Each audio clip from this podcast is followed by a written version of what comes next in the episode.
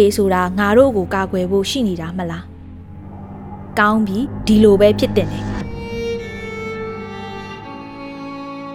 လက်ရှိအခြေအနေတွေမှာတင့်အခွင့်အရေးတွေကိုသိဖို့ကပိုအရေးကြီးလာပါပြီ။တင့်မှာမျှတတဲ့အများပြည်သူရှေ့ကြားနာခွင့်ကိုရပိုင်ခွင့်ရှိပါတယ်။အဲ့ဒါတွေကတော့တင့်လျော်သောအချိန်ကာလတစ်ခုအတွင်းတရားခွင့်ကျင်းပခြင်း အမိခိုကင်းပြီးတမတမတ်ကြသောဆုံးဖြတ်ချက်ချသူကသာကြားနာရခြင်းသက်ဆိုင်ရာအချက်လက်များကိုရယူခွင့်ရှိခြင်းအများသူငါရှေးမောက်တွင်ဖြစ်ခြင်းလိုအပ်ပါကကိုယ်စလဲနဲ့စကပ်ပြန်ကိုတုံးခွင့်ပြုခြင်းအများပြည်သူရဲ့ဆုံးဖြတ်သုံးသက်ချက်ပါဝင်ခြင်းစတာတွေပဲဖြစ်ပါတယ်။တရားရုံးဒါမှမဟုတ်ဆုံးဖြတ်ချက်ချတဲ့အာဏာပိုင်တွေကတင့်အတွက်ဆုံးဖြတ်ချက်ကိုဘယ်လိုချမှတ်ခဲ့တယ်ဆိုတာကိုတင့်အနေနဲ့ရှင်းပြရယူခွင့်ရှိပါတယ်။ ပြစ်မှုနဲ့ဆွဲချက်တင်ခံရသူတိုင်းကိုဥပဒေနဲ့အညီအပြစ်ရှိကြောင်းတက်တည်မပြပြီးသည့်အပြစ်မရှိဘူးလို့မှတ်ယူရတယ်ဆိုတာကိုတင်သိပါသလား။ကြားမှဖြစ်ခြင်းအသက်လူမျိုးဒါမှမဟုတ်ပြုမှုပေါ်ခွဲခြားခြင်းမရှိပဲလူတိုင်းမှာဥပဒေရှိမှချွင်းချက်မရှိတန်းတူညီများစွာဆက်ဆံခွင့်ရှိတယ်ဆိုတာကိုတင်သိပါသလား။ဒီအခွင့်အရေးတွေကိုအပြည်ပြည်ဆိုင်ရာလူအခွင့်အရေးကြေညာစာတမ်းကအာမခံပေးထားပါတယ်။တင့်အခွင့်အရေးတွေကိုသိရဖို့ဒါတွေကိုလေ့လာပါ